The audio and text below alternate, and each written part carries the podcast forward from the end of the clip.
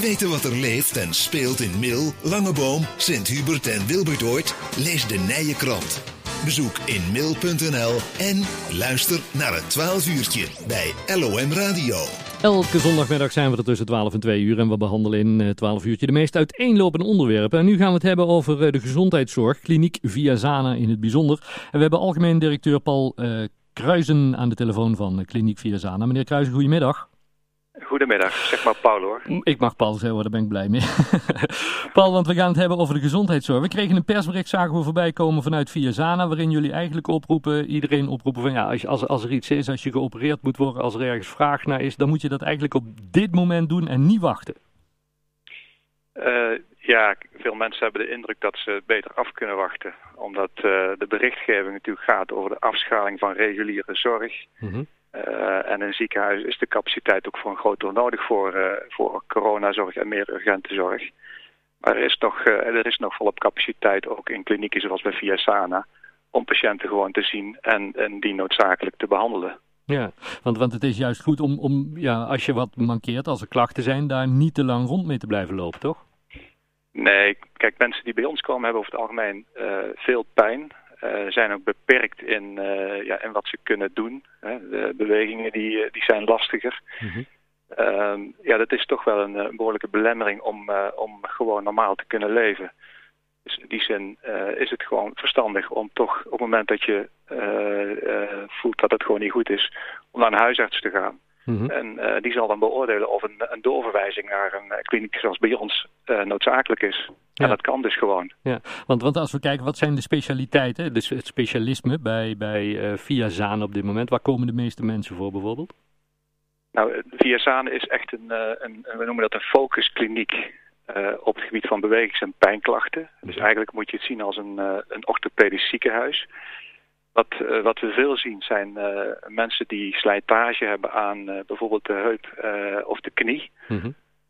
daarnaast ja, schouderproblemen, rugproblemen, voetproblemen.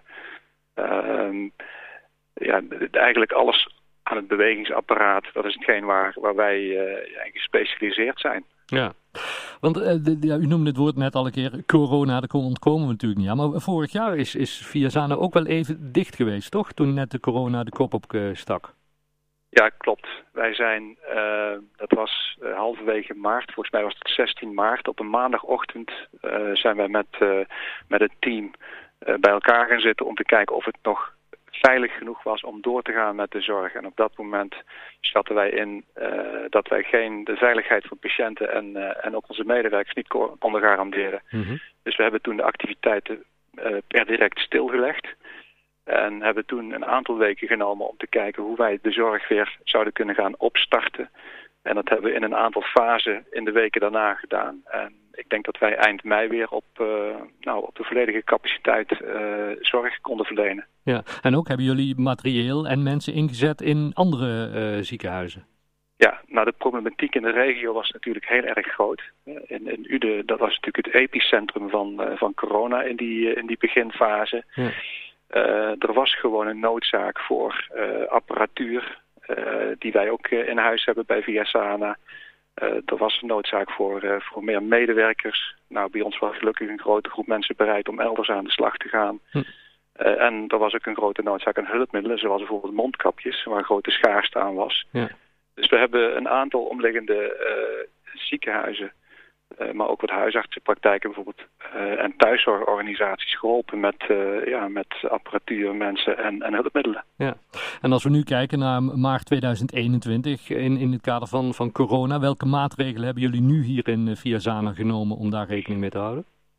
Ja, wij zijn uh, vanaf vorig jaar uh, gestart met een, uh, ja, een nieuw beleid eigenlijk om nogmaals medewerkers, maar ook patiënten te beschermen. Mm -hmm. Dus als je nu bij ons binnenkomt, dan wordt je temperatuur gemeten, er worden een aantal vragen gesteld. Je moet je handen desinfecteren, je krijgt een mondkapje op. En daarnaast zijn uh, de wachtruimte bijvoorbeeld, die zijn uh, uitgedund. Er zitten minder mensen, dus de afstand die, uh, die is groter. dus er is veel gedaan om, om te voorkomen dat er ja, een besmetting op zou treden. En als we nu een jaar terugkijken, hebben die, die maatregelen ook echt geleid tot een veilige omgeving. Dus mensen kunnen met een gerust hart naar de kliniek komen. Er is, uh, ja, qua besmettingsgevaar is het, uh, is het zeer gering. Ja. Mensen die, die uh, nu klachten hebben op het gebied van wat u net noemde, is, komen die rechtstreeks bij jullie of moet het altijd via de huisarts? Nee, wij leveren alleen verzekerde zorg. Dat is vaak een misvatting met dit soort klinieken. Dus het is gewoon alles wat we doen, wordt door de zorgverzekeraars ook betaald. Maar de stap die altijd gezet wordt, is dat een patiënt die, of een, iemand die klachten heeft, die gaat eerst naar de huisarts. En de huisarts beoordeelt of het noodzakelijk is om doorgestuurd te worden. Ja. Um, ja, en, en op het moment dat er een verwijzing komt, dan kan een, een patiënt een afspraak bij ons maken. Ja. En hoe langer mensen wachten, dat staat ook een beetje in, in jullie persbericht volgens mij, hè, hoe langer mensen wachten als je klachten hebt met, met je daar tegen of voor te laten behandelen. Nou ja, hoe, hoe, hoe lastiger het kan zijn ook straks wanneer het wel weer, uh, of, of wanneer ze wel geopereerd zouden moeten worden. Ja, we hebben, we hebben op dit moment uh, uh, redelijk korte wachttijden. Dus als je nu een afspraak wilt maken, dan kun je binnen, binnen één of twee weken kun je terecht. Hm. En ook voor een eventuele behandeling. En ik zeg eventueel, want, want maar een kwart van de patiënten wordt ongeveer geopereerd. Okay. Ook dat kan uh, over het algemeen uh, ja, binnen twee maanden plaatsvinden. Nou, dat zijn korte wachttijden op dit moment. Ja.